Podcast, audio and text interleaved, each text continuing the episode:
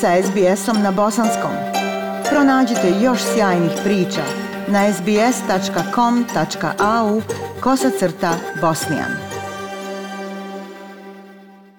Poštovani slušaoci, evo nas u novoj 2022. godini. Puni optimizma, nade i očekivanja, zakoračili smo u novi kalendar, u kojem naši dani tek treba da ispisuju svoje stranice i vjerujemo u vedrim tonovima i bojama. Želeći da damo simboliku našoj prvoj emisiji u novoj godini, pozvali smo u goste zapravo svojoj kući neumornog borca i optimistu, našeg starog znanca Amira Bukića, kolegu novinara, čiji je glas više od 20 godina plovio talasima SBS radija i bio simbol programa na bosanskom jeziku. Vjerujem da su se svi naši slušalci poželjeli da ga opet čuju.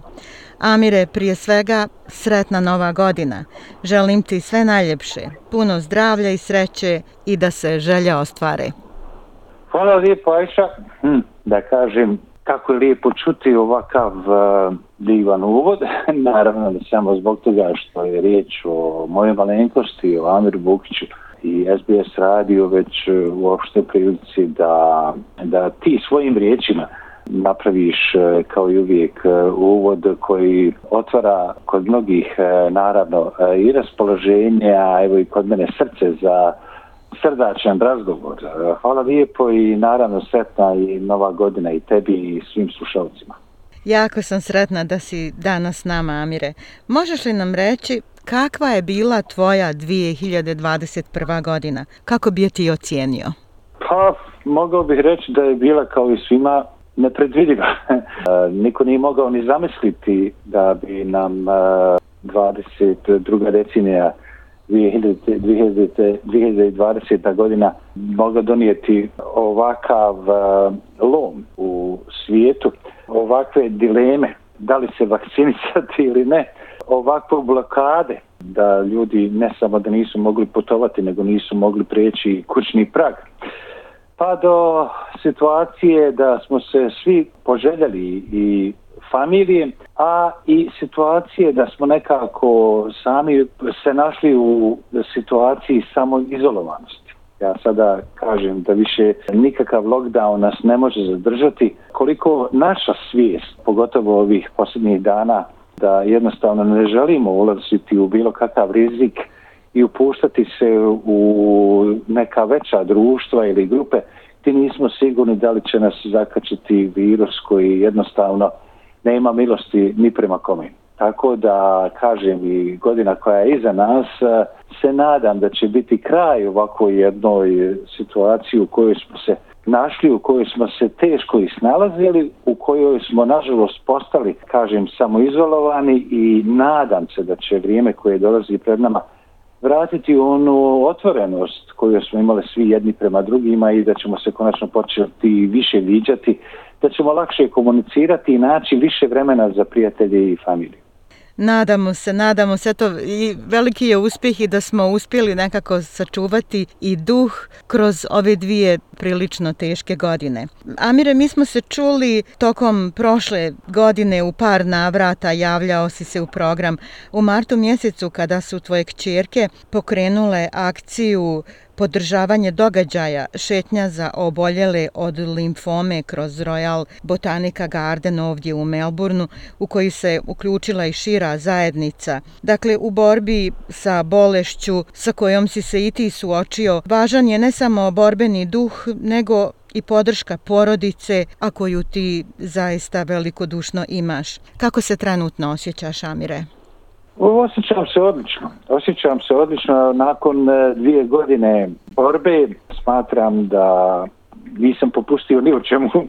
Tijelo i zdravlje pokazuju svoje i uh, ljepše i, i, i ružnije dane. Međutim, e, mentalno i dalje smatram da, naravno, uz veliku pomoć familije i prijatelja, uh, jednostavno uh, se dobro drži sa uh, bolešću, a posljednji, posljednjih dan i neka nova terapija mi daju i e, pružaju veliku nadu u budućnost. E, što se tiče samog uh, ovog sjećanja na prošlu godinu i, i upravo još jednom da se zahvalim Ajša na prilici da smo onda razgovarali o limfomi i o ovom uh, humanitarnom koraku da jednostavno pokušamo da dođemo do više sastava za limfomu, da kažem da je uh, E, da, da, su, da su tada skupljena i onako prilično e, i relativno e, visoka sredstva za limfom, za borbu za limfom. Međutim, ono što je bitno u svemu jeste da, kažem, taj duh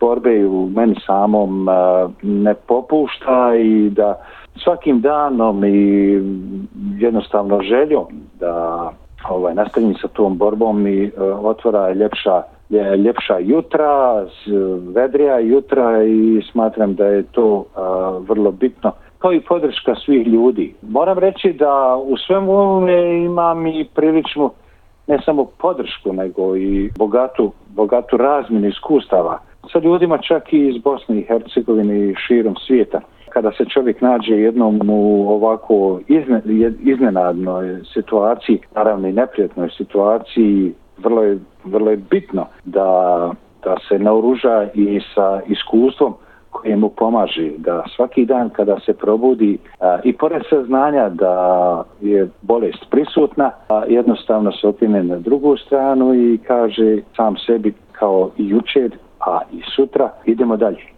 Jako mi je drago zbog tvog visokog i nepokolebljivog duha i čvrsto, čvrsto vjerujem da ćeš ozdraviti. Amire, pažnja bosansko-hercegovačkih zajednica svugdje u svijetu, pa i ovdje u Australiji se udvostručila kada su u pitanju glasovi koji nam dolaze iz Bosne i Hercegovine, ružni glasovi o disoluciji, pa i o eventualnim sukobima. Prilično je teško vrijeme za Bosance i hercegovce i u domovini i u dijaspori. Kako ti komentarišeš stanje u našoj prvoj domovini i smatraš li da će se situacija smiriti i poboljšati? Prvo da kažem da se nadam da će se situacija smiriti i poboljšati. Dalje smatram što se sami ti solucije tiče da jednostavno e, nema mjesta e, nekom e, rasturanju države, da će Bosna i Hercegovina opštati kao država ne samo zbog onoga što mi želimo i što smatramo da je e, najbolje za budućnost e, tih krajeva, nego jednostavno i zbog toga što sama Bosna i Hercegovina sa svojom plemenicošću, bogatstvom, tradicijom i kulturom je zemlja koja jednostavno mora da opstane. Uh, ja uh, u posljednje vrijeme obzirom na, ova, na ovo neko možda i nostalgično stanje svi u nas koji smo otiš, otišli iz Bosne i Hercegovine i koji se nakon nekoliko decenija življenja u inostranstvu sa, e, sa dubokom sjetom i topla srca e, sjećaju svi, e, svi momenata iz prošlosti mogu reći da onakva zemlja jednostavno ne zaslužuje da se spominje bilo kakva crna budućnost za ovu zemlju.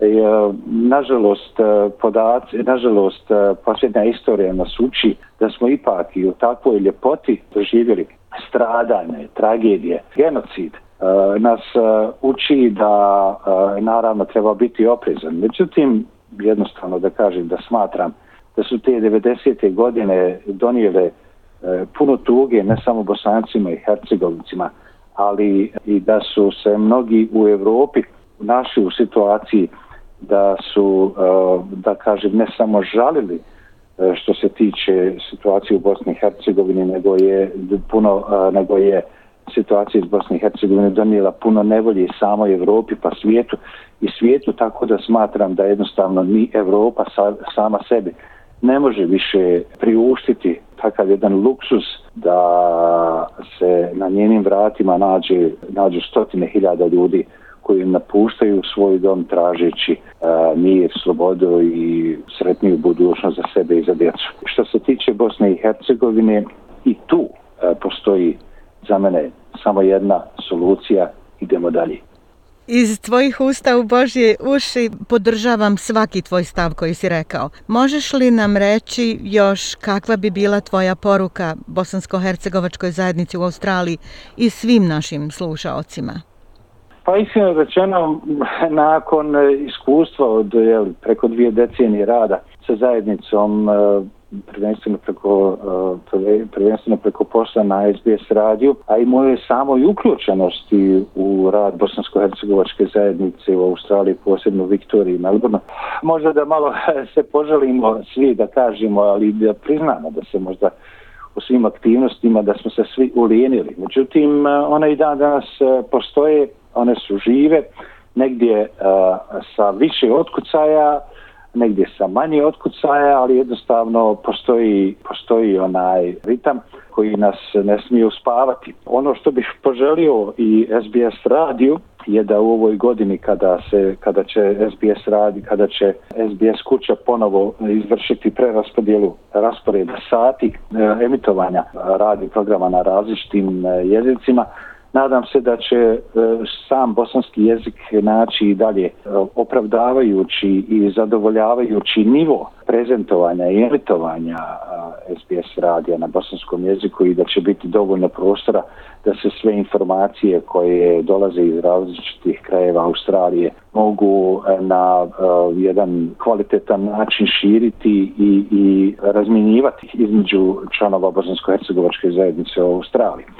A što se tiče nas samih eh, o, koji živimo ovdje, da kažem, E, upravo u onom momentu kada sam spomenuo nostalgiju, vjerujem da su se svi poželjeli putovanja i odlaska do Bosne i Hercegovine, pa evo da kažem svima da se nadam da će ovoj 2020. godini biti dovoljno karata za svi u nas da se nađemo sutra ponovo sa familijom e, u ovoj godini, da se ponovo s njima, sa njima sretnemo i da, da osvježimo sve ono što nas veže. Ajša, tebi posebno želim da se zahvalim za tvoj izuzetan, izuzetan rad u ove posljednje dvije godine. Znam koliko si privatno angažovan, ali znam koliko i ovaj posao na SBS radiju zahtijeva i želim da podijelim sa svim slušalcima zahvalnost da imamo i tebe i da kažem da u prilici kada eh, si uskočila od onog momenta da si jednostavno eh, radila toliko toga da o, nakon dvije godine Eh, se nadam da će 2020 i druga godina biti eh, jedna eh, vrlo bogata godina za tebe. Hvala na ovom razgovoru, dragi Amire, na lijepoj poruci koju si uputio našim slušalcima i meni. Želim da tvoj duh optimizma i dobre energije bude uvijek s tobom i želim ti što skorije ozdravljenje. Puno lijepih pozdrava šaljem i tebi i tvojoj porodici. Hvala lijepo Ajša, još jednom srdačni pozdrav svim slušalcima uz nadu da ćemo se ponovo čuti i češće. Hvala lijepo. SBS na bosanskom. Podijelite naše priče preko Facebooka. Želite poslušati još ovakvih priča? Slušajte preko Apple podcasta, Google podcasta, Spotify ili kako god da primate svoje podcastove.